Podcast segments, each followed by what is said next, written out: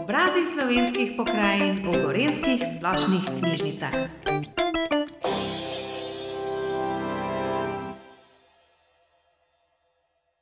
Spoštovana naša nocojšnja gosta, gospa Romana Krančan, gospod Lojze Krančan, spoštovana gospa Maja Stepančič, ki bo vodila pogovor z našima gostoma. Ta dogodek sodi v sklop promocije portala Obrazi slovenskih pokrajin. Portal Obrazi slovenskih pokrajin je spletni biografski leksikon znanih Slovenk in Slovencev. Vam so vključeni podatki o osebnostih, ki so rojene na tem področju, so tukaj živele in ali se šolale, predvsem pa so s svojim delom zaznamovale razvoj Slovenije v zgodovini in sedanjosti. Nastaja sproti in se dopolnjuje s podatki o znanih osebnostih iz zgodovine in sedanjosti vsak dan, tako da njegova vsebina nikoli ni dokončna. Portal Obrazi slovenskih pokrajin združuje osem regijskih spletnih biografskih leksikonov, ki so nastajali v srednjih območjih knjižnicah. Celsko-zasavski, dolenjski biografski leksikon, gorenci.si, koroški biografski leksikon, pomurci.si, primorci.si, spodnjedravci.si in štajerci.si.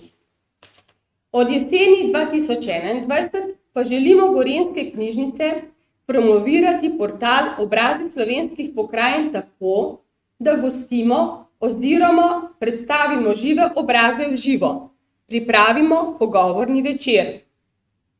Oktobra je bila prva na vrsti Mestna knjižnica Kranj, ki je gostila Darka Đuriča. Potem novembra Občinska knjižnica Jesenice, ki je gostila igralca Uroša Smoleja. Januarja je knjižnica Škofja Loka gostila Kozmo Akačiča, marca pa knjižnica Antona Tomaža Linkarta Radovljica, Manco in Benjamina Izmajlova. Mi pa smo naša gosta s februarja prestavili v prelep cvetoč mesec april in sedaj dobrodošli in pozdravljeni in predajam besedo. Eh, hvala lepa za uh, tale uvod. Uh, ja, dober večer še z moje strani. Jaz sem Maja Stepančič in sem novinarka na Valu 202. Uh, lepo pozdravljam tudi vse tiste, ki nas spremljate na YouTube kanalu. En lep dober večer. Jaz mislim, da sem prvič eh, tukaj v Tržiču, ne mi zameriti, ampak sem se malce pozanimala, eh, prihajam iz glavnega mesta, tako da sem našla nekaj povezav eh, med nami dvemi oziroma med mestoma samima. Oba, obe mesti sta zmajevi mesti, mesti pogumnih in močnih oseb.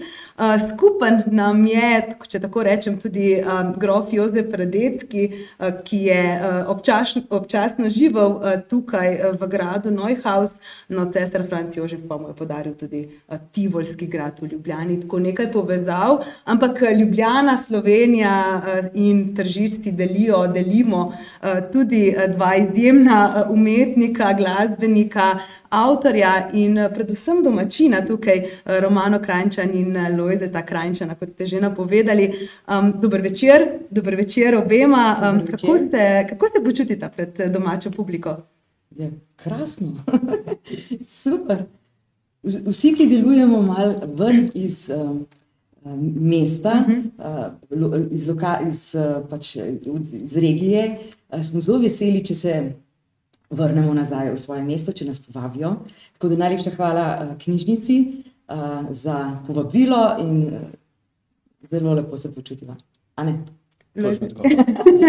Imate kaj več treme pregovorno, velja, da si pred domačini, pred poznanimi obrazi, eh, malce bolj, eh, kako bi rekli, nervozen, oziroma imaš malce več treme.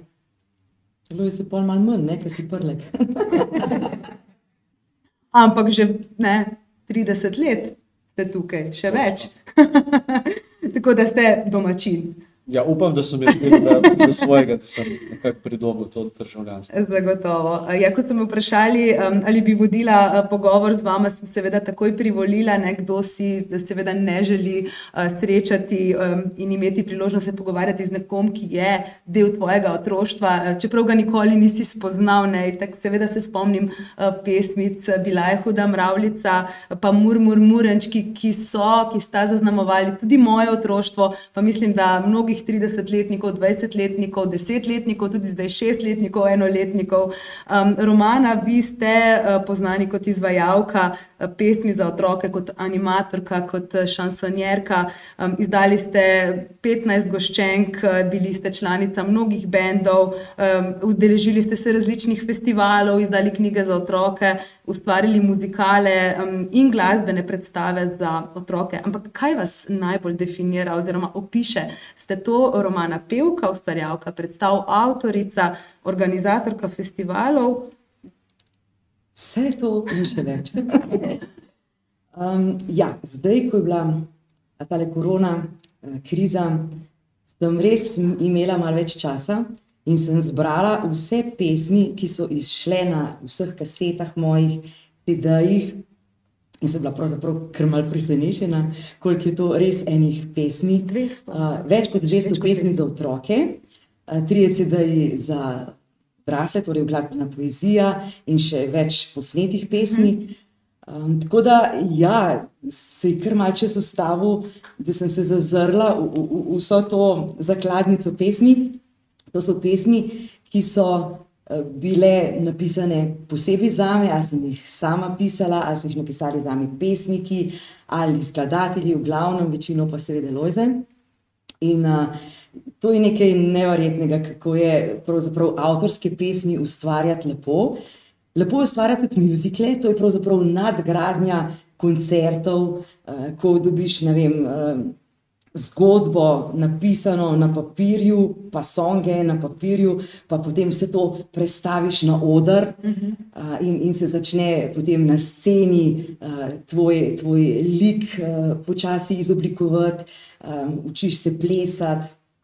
Korakov, na pamet, vsega besedila, no, pri tej zadnji predstavi na dvorišču za mhm. otroke, ki, ki smo jo, ki je bila primerno prizorjena, prav tik pred korono, uh, sem se še z ljudkami uh, srečala, tako da sem se učila animirati ljudke uh, in mucka in, in, in petelinčka in kravice. In tako. tako da, ja, to, to, mi, to mi tudi uh, izjemno me, me to uh, navdihuje in veseli. Organizacija koncertov pa tudi, zaradi tega, ker, ker ja, to imam nekako v sebi, tako da rada, rada um, sodelujem s Tržiškim muzejem, eh, kjer že osem let zapored pripravljamo skupaj glasbene večere v Tržiškem muzeju in um, so taki cukrčki. To so taki cukrčki. Ja. Um, omenili ste, da se uh, vaše delo pogosto seveda prepleta z uh, delom Lojzeta. Um, ja, ste uh, dirigent uh, Big Banda uh, RTV Slovenija, ste skladatelj, ste pozavnist. Um, ustvarjate na radijski strani, tisti, ki si ne predstavljate, uh, dve uh, hiši imamo televizijska in radijska hiša na našem radijskem delu uh, vadi in ustvarja tudi Big Band RTV Slovenija. Um, naši hodniki so um, vedno polni glasbe uh, in ne malo je tistih, med njimi se štejem tudi sama, ki se uh, pogosto ustavimo na hodniku in prisluhnemo tem vajam. Ne? Imamo seveda to čast in to srečo, uh, da lahko uh, smo že na njihovih vajah uh, prisotni, ne sicer neposredno, ampak poslušamo um, in prisluhnemo zvoku, ki prihaja iz uh, studia 26. Um, Lozi, koliko časa vam vzame glasba dnevno? Ja, težko bi zdaj čisto točno po do minute rekel, različno. Uh, ja, zjutraj imamo vaje, zdaj nisem vedel, da se to sliši po hodnikih. Moram reči, fantom, da večkrat zaprejo vrata, zgleda, da pozavim. Ne jim reči, prosim, ne, ja, ja, ne uživamo, lepo nam je. ja, zjutraj so vaje, snemanja, uh, popovdne pišem kakšno glasbo, aranžma in tako naprej. Pol kakšen dan imamo samo zvečer koncert, uh, zelo različno. Uh, je pa res, da je treba tudi znati odklopiti, da skozi ne, morem, ne moramo biti v glasbi. Uh, Imamo pa mogoče malo drug bioritem, kot si ljudje predstavljajo. Vsi mislijo, da smo glasbeniki večerni ljudje?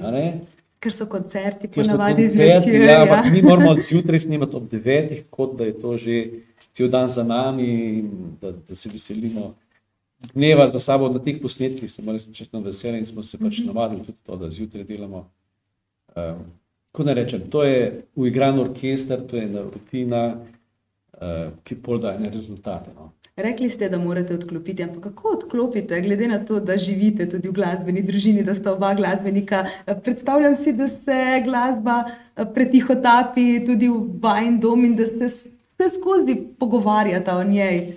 Ja, res je, na, mogoče je težko odklopiti, mogoče se zaradi tega tudi hobije, pa svoj šport zbiramo na ta način. Recimo, zelo rada gremo smučati, uh -huh. ker na smučanju se pelješ po hribu dol in sam razmišljaš, kako boš okrog kuclov zavijal. Ne? Da ne boš In padel. pol moraš, pol moraš pozabiti, ne? ker uh, uh, se mi zdi, da težko je ločiti to, mi da težko ločiva zdaj službeno, zasebno. To se prepleta, to je v bistvu Način življenja. način življenja, ja, seveda. Romana, boste kaj dodali? Ja, je se lepo povedal. Ampak, eh, ja, vidva sodelujeta, pogosto delata skupaj, um, živita skupaj. Um, pogosto um, slišimo, no, um, si predstavljamo, da je delati eh, s sorodniki eh, super, po drugi strani je pa morda bolj stresno kot z nekom, ki ga ne tako zelo poznaš, ker so sorodniki verjetno med sabo zelo iskreni. Eh, Si predstavljam, da včasih morda preveč iskreni, pa se potem morda na kakšnih točkah uh, kregata oziroma se ne strinjata, pride do nesoglasij. Kako je pri vama dvema? Je mi dva, po moje, no, mislim, vem, mi da se dopolnjujeva. Vsak delamo svoje stvari, ampak um, nekako eh, se ve, kdo kaj dela. Ne? To se pravi, Lojze, to popolnoma zaupam, kar se aranžmajev tiče, povabil eh, glasbenikov, v studiu je pač glasbeni producent, ko mi dva sodelujemo, uh -huh. govorim. Ne? Uh, in uh, on pa me prepušča pač interpretacijo, uh, seveda se tudi pogovarjava o tem, kaj bi bilo lahko še boljš. tako. Po mojem je to super, ker se dopolnjujeva. No? Um, kaj bi pa ti rekel? Ja, lej, glasbeniki, si imaš prav, glasbeniki imamo različne vloge. Ne? Recimo, eni so frontmeni, tudi ti Romi, ne? ki zna animirati publiko, uh -huh. ki zna komunicirati s publikom in tako naprej. Nekateri pa pač v ozadju poskrbimo za vse ostale stvari, da, da, da so tako, kot morajo biti. In hvala Bogu, da smo si različni, da se lahko dopolnjujemo. Absolutno. Um, res smo na kratko zaobšli um, vajno kariero in vajno delo, ampak morda za boljši uvid v to, kar sta um, dosegla, je pomembno tudi povedati, kako se je vse skupaj a, začelo. Lojze, vi izhajate iz glasbene družine, um, vedno ste bili obkroženi z glasbo, to vam je bilo. Recimo, tudi postavljeno v zibelko. Vaš prvi učitelj je bil oče, um, učil vas je pozavno, mama pa klavir, um, tudi brata in sestra so bili, um, so glasbeniki, so se ukvarjali z glasbo. Um, nekaterim se prav zaradi tega, ker je vedno okrog uh, glasba, že od malih nog, uh, tale glasba lahko priskuti, vam pa je prirasla k srcu. Ja, verjetno je življenje ene družine, ki, ki, ki ima vsak dan glasbo, um, malo drugačno in se navadiš na to. V bistvu postaneš moče malo celo odvisen od tega, ne znaš brez tega živeti. Um, moče malo drugače izgleda vse skupaj. Ne? Skozi to dobiš moče ne druge prioritete, moče malo drugače gledaš na življenje. In pol brez tega tudi Dobro, niso vsi iz glasbenih družin, pol naprej glasbeniki, ampak to ni nič načrtno, tudi najna sinova ste glasbenika. a Ne?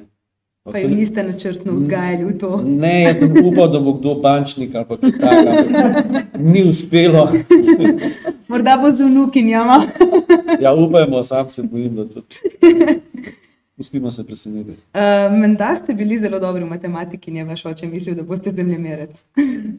Ja, to je mislil, ampak se je zmotil.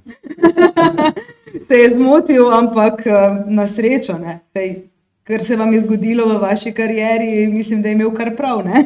Mislim, da ste imeli vi kar prav. No? Ja, glasba da v življenju toliko drugih stvari, da si težko predstavljam. Ja. Mhm, Morda še malce ostaneva ja, pri glasbi. Um, začeli ste uh, v Big Bandu, že zelo uh, mladega vas je opazil uh, mojster dirigent Jože Privšek. Uh, Vmes uh, ste uh, potem uh, študirali v Gradcu eno leto, mislim, da potem ste šli pa v Ameriko na Berkeley. Uh, Tam je tudi Jože Privšek študiral. Točno, ja. Uh, ja, tako da sta oba na isti. Je bilo to na ključje? Ne na ključen, zato ker takrat ni bilo še interneta in to je bila najbolj znana šola vse tle eh, v tem delu Evrope eh, za čez v Ameriki in eh, kdorkoli je šel takrat, je šel tja. Ne? Jaz sem pač imel to srečo, da sem imel štipendijo od eh, Ministrstva za kulturo in nekaj od RTV-ja eh, in sem zaradi tega tako na hitro šel, ker sem dobil štipendijo za Ameriko. Mhm.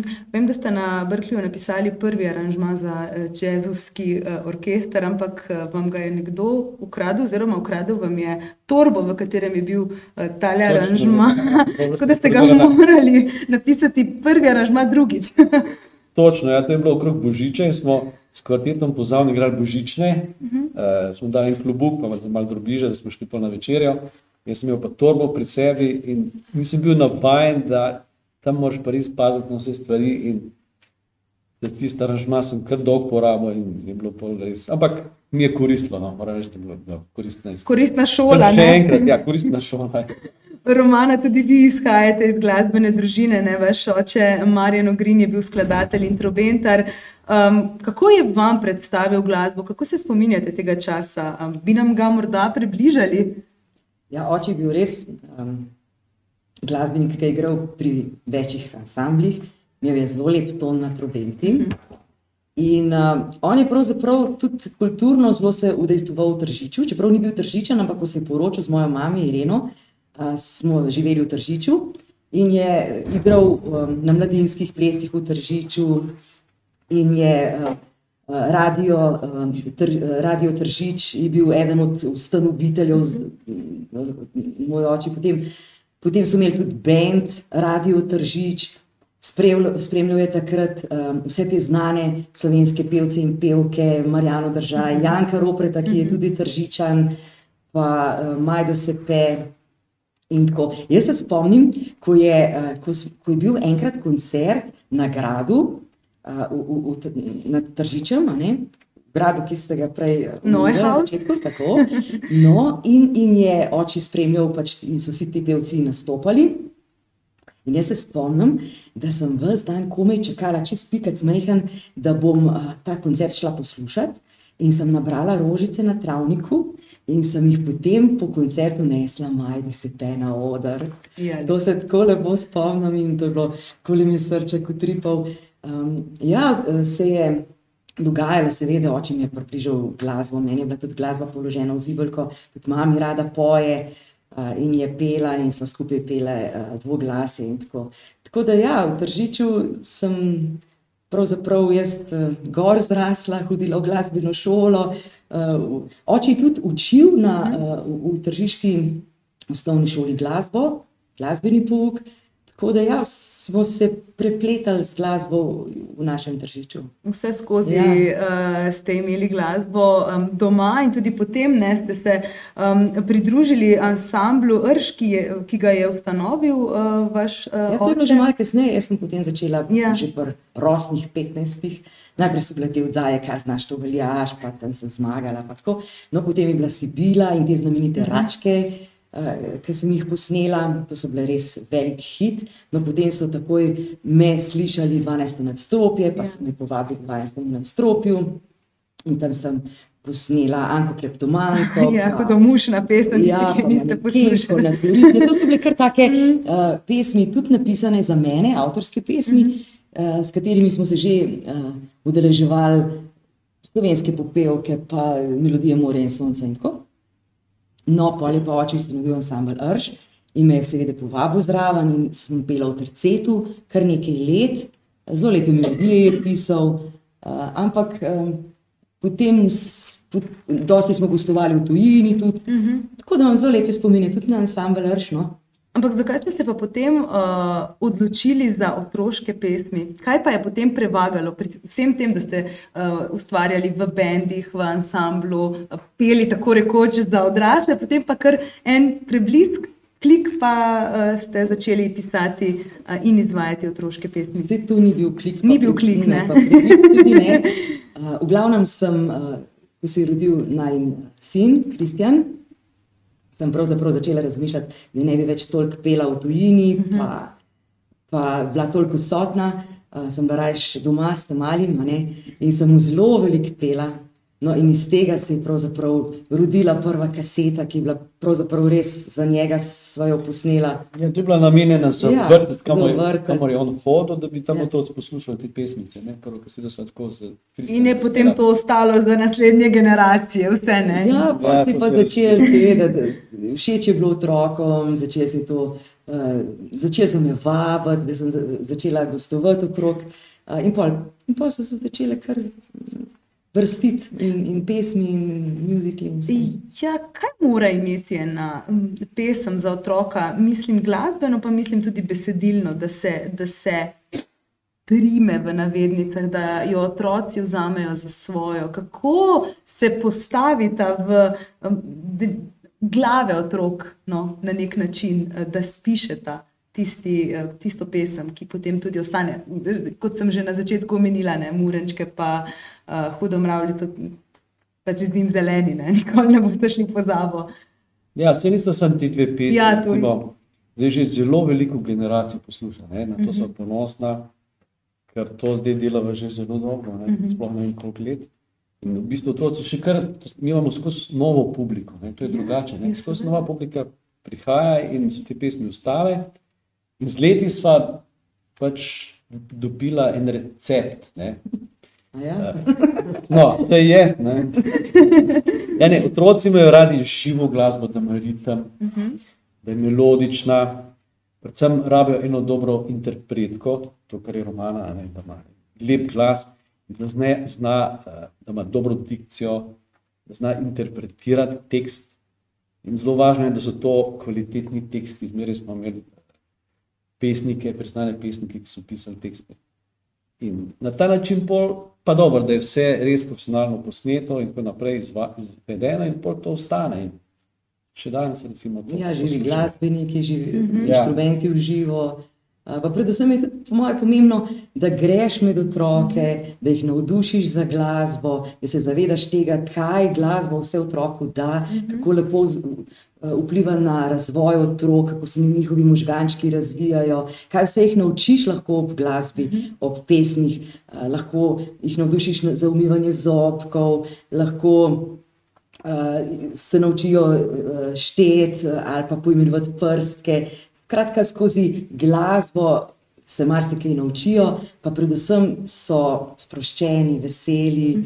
Uh, ko, ko, Ja, spontani so, niso ja. še pod vplivom medijev, niso še pod vplivom te promocije in tako naprej.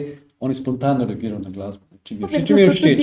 Ne glede na to, Kritična publika ja. Ja. so najbrž tudi. Ne? Tisto, kar jim- absolutno, kar jim pa ni všeč, pa pač jih ne zanima. Ne. Ja, um, Romano, omenili ste, da se otroci učijo skozi glasbo. Ja, jaz sem uh, prav v, v pripravi za tale pogovor sem pogledala kar nekaj vaših uh, YouTube uh, videov. Um, ste prava influencerka, ne 14 tisoč sledilcev imate. Um, gledala sem ja ravno to, uh, ta video, pospremljen s pesmico, pa seveda tudi z vašo interpretacijo o umivanju zob, pa palček, uh, kje je palček, vse te. Še video zraven. ne. Ja. Čeprav bi jaz rekla, da sem zelo ponosna in vesela, da imamo zdaj vso to glasbo tudi na digitalnih platformah. Ker tam pa otroci samo glasbo poslušajo, kar je tudi super, ker se gibajo, ker, ker jo poslušajo, ker zgodbo zaznajo, ritem, uh, s celim telesom sodelujejo. In tudi kvaliteta na digitalnih platformah je veliko boljša za poslušanje, to se pravi, tudi tle skrbimo malo za, za, za zvok, da otroci dobro kvalitetno slišijo. A, Tako da, da jaz tudi zato navijam, da otroci ne samo gledajo, kar je lušno, seveda, da zajček zlatko, Ja, ja, ne vem koliko milijonov gledal, pa huda mravljica. Mm -hmm. pa, super, jaz sem zelo vesela. Ampak fino je pa tudi, da poslušajo samo otroci. ne. Ampak ja, se je ravno v tem času, ne, teh digitalnih medijev, eh, danes nas zato lahko tudi spremljate na YouTube eh, kanalu, eh, je pomembno, ne, da si vse prisoten. Ne. Tudi, eh, ne moreš več računati samo na to, da boš uživo pritegnil ljudi, ne, ampak da boš tudi um, pritegnil naknadno nekoga. Zato je pomembno, da si um, tudi na družabnih uh, omrežjih. Um, vam je to zahtevno? Uh, ne vem, uh, ustvarjati to vrstne videe ali vam je to tako zelo naravno, tako kot iti med otroke v vrtec. Ja, recimo? prvo res nekaj video je nastalo v dnevni sobi, uh -huh. v mojem domačem kotičku in so mi zelo družina pomagali, da so nastali prav, prav res simpatični ne. Tudi vnuki mi je. Ja, tudi, tudi vnukini in uh, par, par uh, mislim, kar več no, um, odzivov sem dobila, da ta mali to raje gledajo korisenke, to sicer čist ne moram verjeti, ne. ampak dobro, uh, zelo lep kompliment. Uh, tako da mogoče bomo še kaj posneli. Ja? Zdaj imam že spet ene nove ideje, da bi posneli, ker mi je veselje to. No? Absolutno mi je pa največje veselje, da gremo pa v, v, v živo med otroke in da jih začutim, da jih vidim, da sodelujejo, da se z njimi lahko pogovarjam. To, to se mi pa zdi, da največ oni dobijo, jaz dobim, ta energija pretaka in da je to res nekaj naj, naj, najlepšega in tudi najboljš, najbolj koristnega, kako bi rekla. Ja, oba sta umetnika, ne? oba živita tudi od tega odnosa s poslušalci, z obiskovalci. Kako je korona vplivala na vajno umetniško ustvarjanje, na vajno delo? Kako sta občutila ti dve leti, ki sta se zgodili, ki sta bili tudi za kulturnike zelo težki leti? Morda vi, Lojze, prvi. Ja, to, kar ste se ravno kar pogovarjali, to je bil rezultat korone, Ja. ja. ker smo bili doma in smo razmišljali, kaj ćemo zdaj delati. Ne. Jaz sem imel pač to srečo, ker sem na radiju in mi smo redno delali, mislim, da smo mogoče bili zaprti zelo malo. zelo malo. Ampak ostali umetniki, eh, svobodni kulturni delavci so imeli pa res probleme, ker ni bilo prireditev. Eh, in je bila res ena velika kriza. nam je dala malo misliti. Uh, in vsaka kriza prinese tudi kakšne pozitivne stvari. Uh, in zdaj, ko se odpira, smo veseli, mogoče se še bolj zavedamo, kaj je to, če imaš publiko, če lahko pred publiko igraš. Uh, in da je to nekaj posebnega. Ja, vse je bolj enostavno, da si na kavču pa gledaš ne, na enem ekranu. Ja. Ampak eh, vem in tudi publika ve, da je čisto ena druga izkušnja, če si ti vzameš čas, se nekam odpelješ, se usedeš in poslušaš koncert. Uživo. Ja, v živo. Od tega imaš veliko več kot poslušalec, tukaj se še pripraviš na to. Ne? Kot od vem, tistega, da mimo grede nekaj, samo zato, da ni tišine, imamo pa radio prižgan. To je nekaj drugega. Ne? Mi, mi sicer skrbimo za arhiv radio, snemamo glasbo, ne? ampak veseli smo pač eh, te, te skupne izkušnje s publiko bolj poglobljene. ne, Ko, si vsi vzamemo čas in tam skupaj doživimo nekaj. Orkester in eh, publika. Se verjetno si vzajemno ne, neko energijo prenašate. Absolutno, ja, absolutno je to energija. In tudi brez publike je bilo, mi smo zdaj velikrat igrali brez publike in je veliko težje igrati, ne, ker ni, ni tega pretoka energije. Ja, Mana.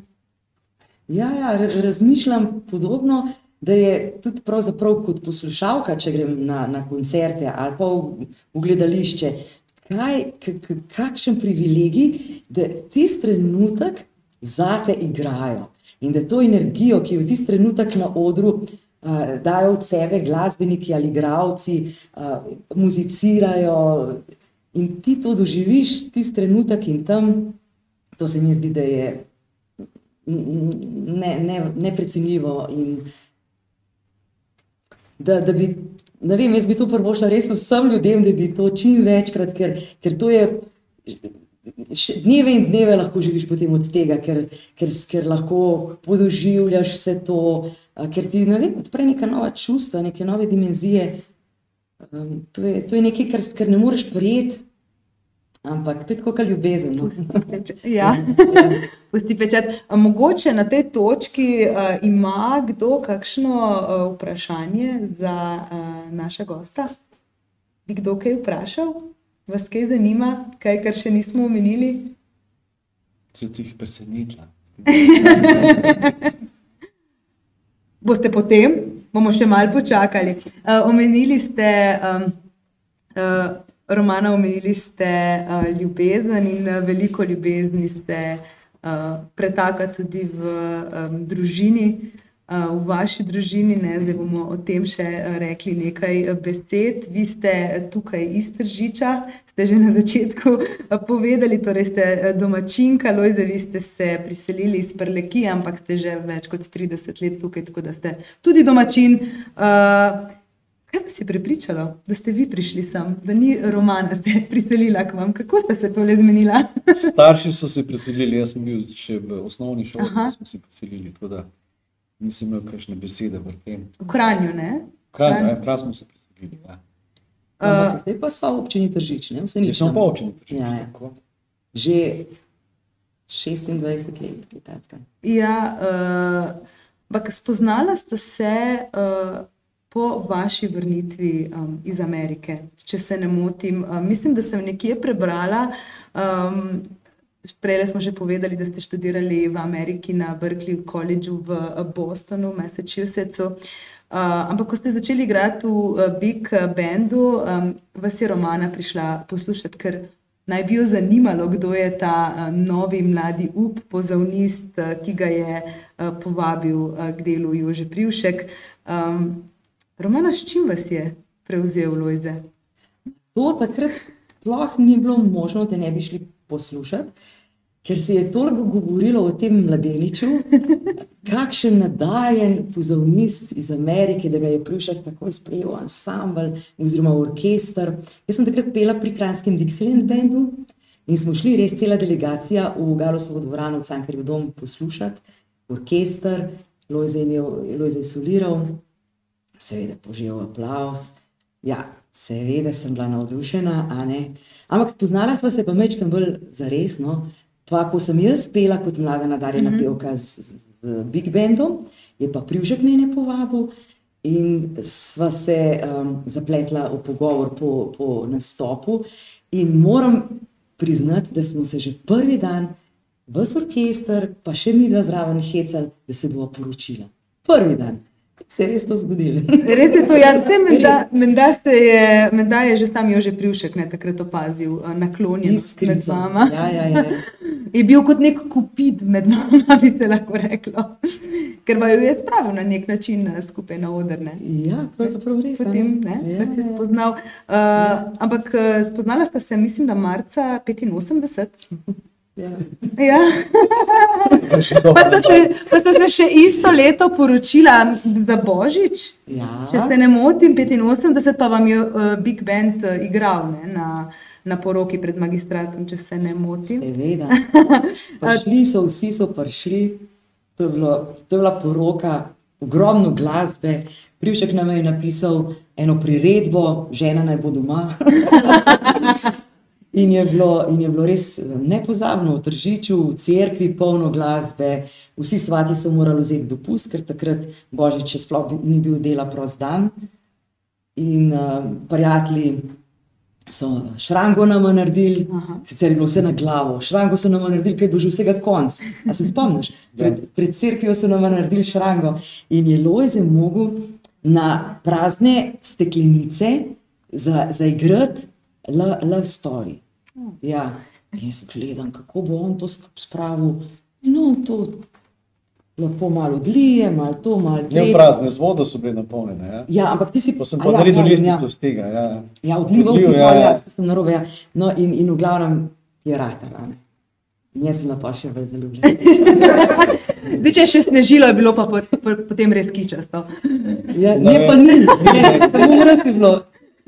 Res je bilo. Malo manj kičasto. Uh, v zakonu sta se vam rodila dva sinova, Kristjan in Žigan, ki sta tudi oba glasbenika. Ne? Pri vas se glasba res uh, prenaša uh, iz roda um, v rod, ne vse ostane v družini. Bi se rekli, čeprav je to citat iz Botra, ki ima sicer čisto drugačno konotacijo. Uh, kako sta predstavila glasbo um, svojima sinovoma? Je bilo to skozi otroške pesmi, kot ste povedali, že na začetku ste napisali za uh, sina Kristjana, za vrtec, uh, in kako potem, um, da sta ostala tudi v tem in navdušena nad tem, kar tudi vidva ustvarjata.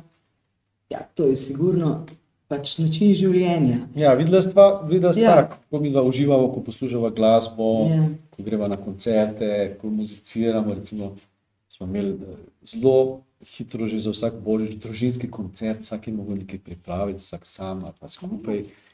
In pač ta način življenja sta sprejela in sta kar naprej. Ja, Kristjan je že pri petih letih se začel učiti violončelo, ne? pa potem kasneje bobne, pri desetih, ne, žigan tudi, že kaj pa vem, tri štiri leta star, je že violino v tržiški glasbeni šoli, pa že v Ljubljano, pa pol je še pozavno proval, no, ampak se je vseeno odločil potem ob koncu uh, osnovne šole, da bom pa ne bo glasbenik, ampak da bo pa plesalec in se je pač upisal na uh, plesno uh -huh. gim, uh, gimnazijo. Um, tako da je bolj šel v, v te vode, koreogra, koreografija, ples, ampak se je vrnil ja, nazaj, nazaj, seveda, ker, ker mu je to, ker ima v genih glasbo, seveda. Že vidva sta sodelovala od začetka skupaj, ne? pogosto sodelujete pa tudi um, s sinovoma. Um, čarobni taksi sem gledala, video spot, um, tam ste sodelovali vsi štirje. In videl spoti na tržiških Ja. ulicah posnet, Ja. Zelo simpatičen uh, video, prav res se mi dopade ta ideja. In, uh, ja, takrat s- mislim, it- sodelovali smo vse skozi. No, mislim, že od začetka je Kristjan igral še v osnovni šoli violončelo na mojih posnetkih, pa žigan pel v zborčkih in tako. Zelo je zato mi tako, ne. No, tlele pa Kristjan v bistvu režiral, pa bobne špilov, pa žigan plesal na ulici sredi tržiča. Ja, fajn je sodelovati, seveda je fajn. Ja. Čeprav imajo fantje vedno manj časa, ker so zelo upeti v, v vsako svoje delo, projekte. Pa si predstavljam, mogoče včasih so otroci, ko si predstavljam sebe, bolj pametni od staršev. A vam kdaj svetujete, pa poveste, kako kakšno stvar delamo v leta 2022, a vam kdaj ona dva svetujeta, ali sta še vedno vidva glavna? Kar se mene tiče, jaz se že vse življenje od otrok učim, ampak to res. Tako, to, mi je, to mi je neverjetno, koliko mi oba otroka dasta in tudi publika moja. Tako da meni se zdi to prav fino sodelovati z mladimi. No? Ja, danes se mi zdi malo drugače. Ne? Včasih je bila ta avtomatično spoštovanje pa starejših, pa to danes odpade. Danes kot recimo starejši si moraš ti zaslužiti, priboriti to, s, uh, da te sprejmejo kot uh, nekoga, ki jim lahko kaj svetuje in tako naprej. In meni se zdi to prav, danes je pač malo drugače, včasih je bila ta, ta hierarhija, ne. Eh, Danes je pa drugače. Ampak sem ponosen na to, da sodelujemo, glede na to, da se stvari tako hitro razvijajo, glasba se tako hitro spremenja, da še zmeraj lahko sodelujemo, če- čeprav smo različna generacija. Mm -hmm. Ker glasba ostaja glasba, oblika se spremenja, ampak bistvo ostaja ist- isto. Vidva sta uh, tudi um, že babica in dedek, to smo že omenili nekajkrat, ne, dve vnukinji imata, um, Elora in Rosa. Rosa, ja. Ja, um, in tudi uh, priženili, oziroma prišli sta uh, k vama um, glasbenica in koreografinja, ne spet dve, um, uh, plesalka in koreografinja, mislim, da. Um, in spet umetnici, ne, ne greste ven, ne greste ven iz. Uh, Tukaj pa res nismo imeli. ne, ne, ne, sem mislila kot družina, ne da ste imela vidva, ampak res ostajate. Prpelala sta jih uh, ja, z Bolgarije in, In iz Češke. češke. Ja, kako se prav prepleta ta multikulturnost? Ne? To, to pravijo in verjamem in vem, da multikulturnost bogati. Kako se te kulture med vami uh, prepletajo, kaj si eden drugemu date? Mislim, da mora biti zelo zanimivo, pa tudi jezikovno. Ne? Se, se verjetno pogovarjate v kakšnem tujem jeziku. Zdaj ne več, zdaj se Ne več. Učitka bolj v angliščini, čeprav so to so- sorodni jeziki, ampak se, ne, se nismo. Sta pa zanimivi vnukinji, a ne? Recimo Elora, ki je zdaj stara štiri leta, neverjetno kako preklapla a ne, jezike. Se z mano pogovarja v slovenščini, z mamico v bolgarščini, med sabo se pogovarjajo tudi kaj po angliško, recimo. Neverjetno je to, no, uh, kako tudi meni že kaj prevede ne, uh -huh. uh, iz, bulgarščine, tudi meni že kakšne besede uči. Mm, ja, ja, zanimivo je tole. Koliko moči, navdiha, znanja vama uliva družina, vse to, kar imata, ti odnosi, eh, ki si jih eh, delita.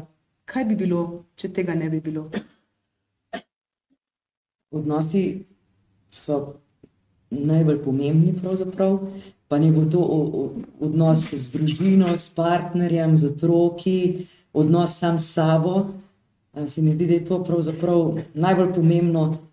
In uh, zdravje, seveda, in, in, in da tisto, kar delaš, rad delaš. To je v življenju, si pa lahko nekako srečen. Ne?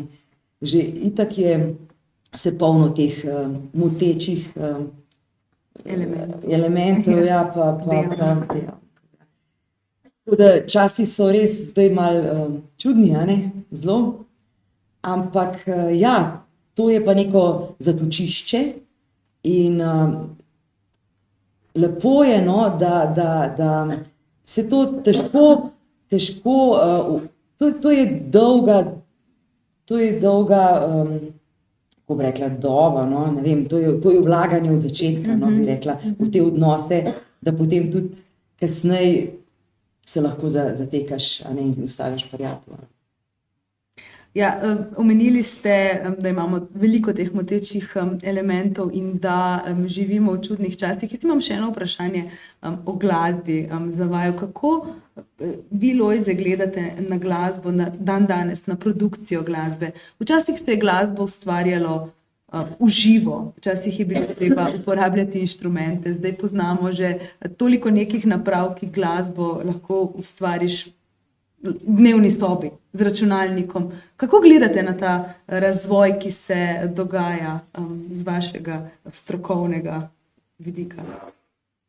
Ja, glasba se je precej spremenila. Jaz z, s to tehnologijo, ki je prišla, po eni strani je postala dostopna vsakemu, ja, tako kot ste rekli, vsak dnevni sobi lahko danes že naredi uh, en glasbeni izdelek.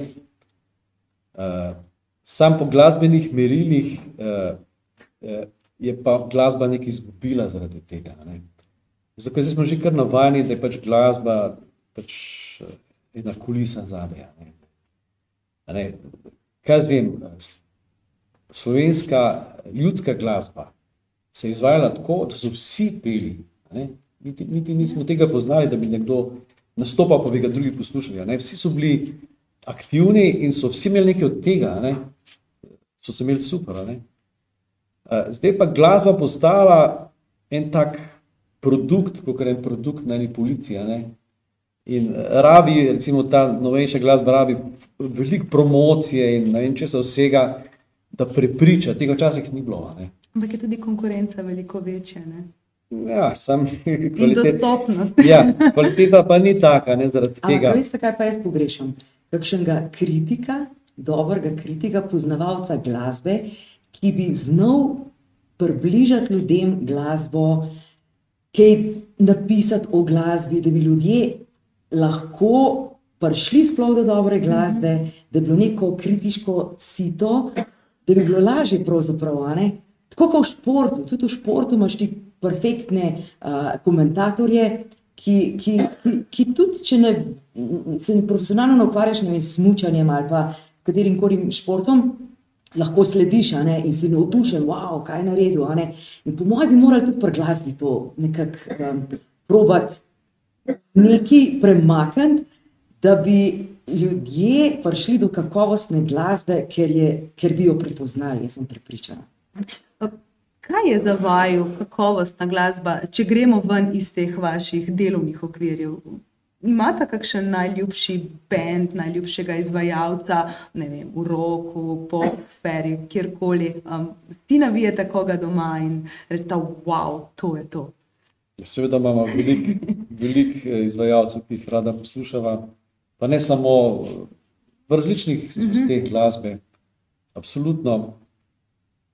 Ampak ne vem, za me je dobra glasba tista, ki te prevzame, ki ima nekaj v sebi, ki te nekam zapelje, ko, eh, ki nam pač pokaže, ne, da življenje niso samo te vsakodnevne stvari, pa ne samo materialne stvari, ampak da je življenje nekaj več, lahko ponudi glasba skozi to, eh, en pogled v duhovne sfere in tako naprej, v čustvene sfere. Eh, in glasba mora vse- vsebovati predvsem to, to se pravi, glasbeniki morajo iskreno delati tisto, kar delajo iz srca, pa se to čuti, pride do publike. Če pa to samo en biznis, v kar pač današnji svet gre, ne, je pa skozi bolj revna. pač, Ampak niste mi odgovorili. se sem že vmes pripravil. Če imate kakšen bend ali pa Ja. izvajalca, ki si ga res navijete na glas ali pa v avtu, ko vozite in je lep dan in rečete, wow, tole. Ja, jaz sem jih imam veliko, sem jih poznal, mislim, od teh, recimo, komercialnih, Chicago, recimo, so včasih pa Steve Wonder, pa to, ki so bili malo starejši, recimo, ki- takrat, ki je bila glasba še važna, ki je bil komad važen, o, ta je dober komad. Ne kolikrat, Gruval. ne koliko je bilo lajkov, pa ne koliko je bilo video, pa ne koliko je bilo tega, pa Ni bilo te ni bilo te, obsedenosti. te ja. nablake zraven, je bila res glasba tista, ki je prepričala. a Ne. Mhm. Romana, Ja, ja, se strinjam, vse ima zelo podoben okus, čeprav ko smo vsak eh, posebej, uh, si prvo še mes kaj drugega, uh, Lojze ima zelo rad klasiko, uh -huh. tako da imamo to zelo na glas. Jaz pa tudi imam kakšnega kukarja, pa ne vem, kakšno zas ali pa eno, eno obdobje sem imela Michaela Bubleja pred leti, pa sem šla vsem malo na živce, ker je pa res zelo to je tako za božič. zelo sladko, a ne. ampak ja, ko pospravljaš, ti lažje gre ta metla, pa se salsa. Se absolutno Ja. strinjamo. Drugače pa jaz zelo rada o- o- odklopim eh, s kakšnimi predstavami. Zelo grem rada gre- greva grada. Takrat pa jaz sem pravzaprav tudi pobudnica, da si kar veliko uh, predstav gledaliških pogledava, če je le možno. In to pa mene res tako napolni, pa odklopi, pa še dolgo, dolgo razmišljam ali o vsebini, ali o igri, igravcih. Uh, kaj je hotel režiser povedati, kaj, kaj, kaj, kaj me je prepričal, zakaj so to. Ne vem, tako zelo, zelo mi je, zelo mi je to všeč. No. Ja, pa ko niste um, na um, gledaliških ne? Ja, A ja, mislim. ne, ko Aha. niste na gledaliških predstavah uh, ali pa ko se ne ukvarjate z glasbo, um, sta pa tudi um, rada pohodnika. Ja. Živita na uh, Gorenskem, seveda je tukaj um, izhodiščnih uh, točk za pohode ogromno, ampak vendar sta bila tudi na kaminu. Ja, sva en delček kamina tudi Ker to je tisoč Ja. kilometrov v celoti, ne? Ja. Ja, celo- Celota, ja. Ja, Koliko to je- sta vidva prehodila? Tako so 300, mislim. da. Tatve, ne? Ja, ampak to je ta del najnega plana, se mi zdi, ki ga rabimo, da odklopa. Uh -huh. In se mi zdi, da je super odklop, ko nič drugega ne razmišljaš, kako boš prišel, kako boš eh, nogavice opravil in jih posušil za drug dan. Ja, Pa če už kaj pojedel, popil, to je pa vse, kar razmišljaš. Ja. meditacija. Odklop, ja, dober odklop. Ja, mnogi pravijo, da je kamino tisti očiščevalni eh, pohod, eh, ko se sam s sabo dejansko potem tudi uh, poznaš bolje. Ne? To je noro. To bi morali vsi večkrat probati, pa ni nujno ravno recept. v Španijo. Uh, tudi v Sloveniji imamo res izjemne poti. Res je pravzaprav tisto uh, pravo, da, da za, za več dni odklopiš. Če greš samo za en dan, še zmeraj ni to, ni to isto. Ampak jaz se spomnim, ker smo prišli nazaj, da sem tudi v Kranj šla peš od doma, ker enostavno sploh na začetku nisem mogla v avto sesti. No. Tako, To se je kar nekaj časa vleklo. Kdaj bo pa ostalih 700 km padlo? No, dobro vprašanje. Ja, takrat, ko si bo izborila toliko časa brez vnuki. Če bo to Ali pa vnuki Ja, ni ne. veste, Ja, ko bojo tako zrasli. Ja, to je- ja. to je varianta. Joj, ne Zdaj vem, kako- potrebujejo, kako- no, zdaj tako lušten. Absolutno, verjetno potrebujete drug Ja. drugega, Uh, ja, um, Romana uh, Krajčan in uh, Lojze uh, Krajčan, jaz mislim, da um, smo že skoraj pri koncu uh, pogovora. Um, zelo fino. Uh, zdaj me pa zanima, um, če je kdo med vami ali kdo na um, YouTube kanalu, ki ima kakšno vprašanje po tem pogovoru. Vas kaj zanima še? Povejte. Um, ker vem, ker ste tudi omenili, da ste um, človek, ali pa da se poglabljate tudi vase, da mora človek od sebe poznati, pa kako ste navdušeni nad eh, gledališčem. Uh, tam so seveda zgodbe, ki dajo misel. Uh, kaj pa knjige? Ja. A je to v vaši hiši, a je samo glasba, a imate tudi kaj knjige? Joj, kako smo pa to pozabila povedati. Mi da smo strastna eh, zbiralca knjig, pravzaprav toliko jih imamo doma, ker, ker smo prav redno kupovala knjige vsa ta leta in redno prihajava tudi v, v tole našo čudovito knjižnico Tržiško, uh, ker, ker, je, ker je res, um, res smo lahko ponosni na knjižnico našo. In si sposojam knjige takšne in drugačne. Mene osebno najbolj uh, na, na, nagovarjajo biografije, te bi lahko brala vse po vrsti. In tako da knjige so pa še tisti odklop vsak večer, pa če tudi par strani. Zato, ker, uh, ker, ker, ker ja, se potopiš v zgodbo ali za sebe, kaj, kaj, um, o sebi kaj razmišljaš, ali pa padeš v neko zgodbo, ki te pa tudi navdihuje. Tako da hvala, ja, da imamo tako lepo in dobro knjižnico. Ja. Te knjige so vidne tudi na YouTube kanalu, kjer snemate, se mi zdi to, če je. A so, ne? Ja, so. Ja. Zadaj Ja. imate celo kuliso knjig. No, ampak to je tako, bi rekla, ena stotinka. Mm, ena stotinka, kar Ja. imate. Um, še kdo? Ja, Povejte. sem Vprašala, kako če pri knjigah. A bo išla potem tudi kakšna biografija družine Krančan? Biografija družine Krančan, ste slišala? Mhm. Bo šla? Zanimiva To je ideja. prva ideja zdaj, šele. Ja, jaz sem se že malo spogledovala s to mislijo, ampak to res po moje zahteva kar dost časa, pa tihote, pa razmišljanja, če češ sam kaj napisati ali pa To lahko do drug napiše. lahko Ja, tudi ja, drug. saj so, ja. Ja. Ja, imate Ja. Biografijo, ne avtobiografijo. Ja, A, a ja, biografijo. ja. A ja, biografijo. Aha. No, no, ja, dajmo, a ne. Ja. Zakaj? Poziv je tu, Ja. Ja, o- imate prav, o glasbi se premalo piše pri nas. a Ne? Tudi recimo, kaj jaz vem, a, nimamo recimo niti ene tedenske kolumne o, ne vem, o jazz glasbi v Sloveniji, pa imamo ogromno jazz glasbenikov. E, In to je slabo, zato ker eh, za nas, ljudje, eh, veliko stvari gre mimo, pa ljudje sploh ne vejo. Ne? Pa tudi ne poznajo, mislim, da to ste. Ja. ker niso približane tako zelo občinstvu. Tako. Da mi se ukvarjamo s tem, Ja. a ne? Uh, poslušalci, pa v glavnem vsak v svojem svetu, pa vsak v svojem delu ži, živijo, Mhm. živimo. a ne. In, in bi bilo res dobro, da bi, da bi bil nekdo, ki bi rekel, tole pa treba slišati. a ne." Ja, pa koliko je bilo to stvari, recimo v Kranju smo rekli, da je bilo toliko teh anegdot od teh glasbenikov, da bi to mogel nekdo napisati, ker se bo to vse pozabilo, pa se bojim, da se to vse pozabilo. Ne vem, ne najde se ta prav, pravih ljudi, ki bi jih to tako zanimalo. Se tudi v, v Tržiču je bilo res eh, zelo zanimiva zgodovina glasbe. Muzikli so se začeli v Tržiču, cela Gorenska so hodili na mladinske plese. To, kar imamo mi glasbene večere v Tržiškem muzeju, v prelepem, na prelep, res je ambient je fantastičen in vrt in, in eh, Polakov salon.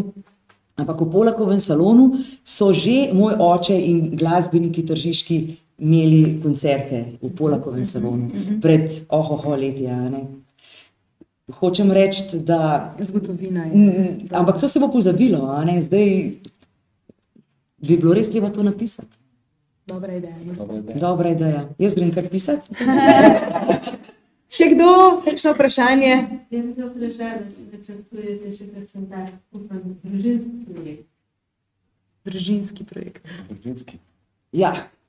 Bo- Če bo nanesla prilika, ja, mislim, Zdaj, Jaz- Zdaj se ste ti nekaj pozabil, vse mogoče lahko pa, to že. Ja, v bistvu so nas letos povabili k sodelovanju ja. mladinski orkester. slovenski mladinski. Slovenski mladinski orkester, ki bo po moje letos združen tudi z ukrajinskimi glasbeniki in bi radi naredili koncert z družino Krajča. To bo avgusta, ja, v Križankah Ja. in bomo vsi sodelovali. Ja, to pa res. In. Žigan, Lojze bo napisal vse aranžmaje, jaz se bom s to glasbeno poezijo, bom tudi nekaj lepih pesmi od Kristjan, Ferija, ja. pa Kristjan bo uh, z violončelom, pa tudi mogoče kaj bobne. Po mojem bo to zelo zanimiv koncert. Jaz se še čisto točno ne predstavljam, ampak um, me pa že kliče. Ja. Zna biti zelo Bo, ja. lepo. Boste prišli, a ne? Še kdo? Kaj pa tisto, kar je bilo za otroke, tako kot je bil zajček gladko. Zajček, Še sladka. tako ponovitev, da Ja, zdaj sem kar še zelo upeta v, v ta ta nov muzikal, glasbeno predstavo, ki smo, ki smo jo naredili um, pred korono, pa sem imela to srečo, da smo kar par ponovitev imeli po gledališčih po Sloveniji in v zamejstvu. No. Tako da to še gre. In zdaj smo, prejšnji teden smo posneli v bistvu vse songe, je napisal Ferry Lanšček besedila, eh, Lojze je eh, ce- celo predstavo v glasbu, pa vse pesmi In smo zdaj to posneli, tako da to bomo tudi dali na vse te digitalne platforme, da se bo lahko slišalo od Kuža Goldija, od Kravice, zelo so lušne pesmi. No. Eh, Tako da je to devet novih pesmi, kar je, kar je spet super. CD je pa skoraj, kaj pa vem, no, CD je knjigico bi rada izdala, to seveda skupaj s Ferijem, uh, s Ferijem Lanščkom, ker je on avtor zgodbe in da bi tudi potem ob zgodbicah lahko skupaj starši prebirali um, torej zgodbice otroci, pa poslušali še recimo pesmi, pa bi bila to samo kakšna koda, lahko, ne vem, to bomo še malo razmislili, ampak to se tudi obeta. No? Ja, to ima še na dvorišču predstava Ja, je ja. bolj ekološko obarvan. Ja, pa o prijateljstvu, pa o živalih. Vse, kar je pomembno. Ja, pa, torej. kar, pa kako se ograje med sosedi odveč, uh -huh. uh, zelo, zelo uh, v bistvu poučna Pa aktualna. predstava, aktualna predstava. Tako, ja. In uh, veseli me, no, ko, ko nisem, ker nisem sama na odru, ker je z mano še izvrsten igralec, uh -huh. uh, Daniel Malalan. Uh -huh. in, je, in, in to je seveda ena taka super sinergija. Kot tukaj danes. Kot tukaj danes, ja.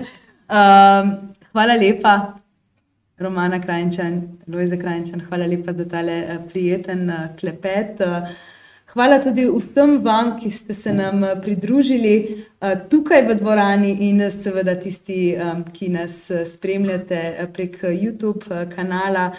Um, hvala vsem, upam, da ste uživali z nami in upam, da se srečamo še kdaj. Lahko noč. Lahko noč.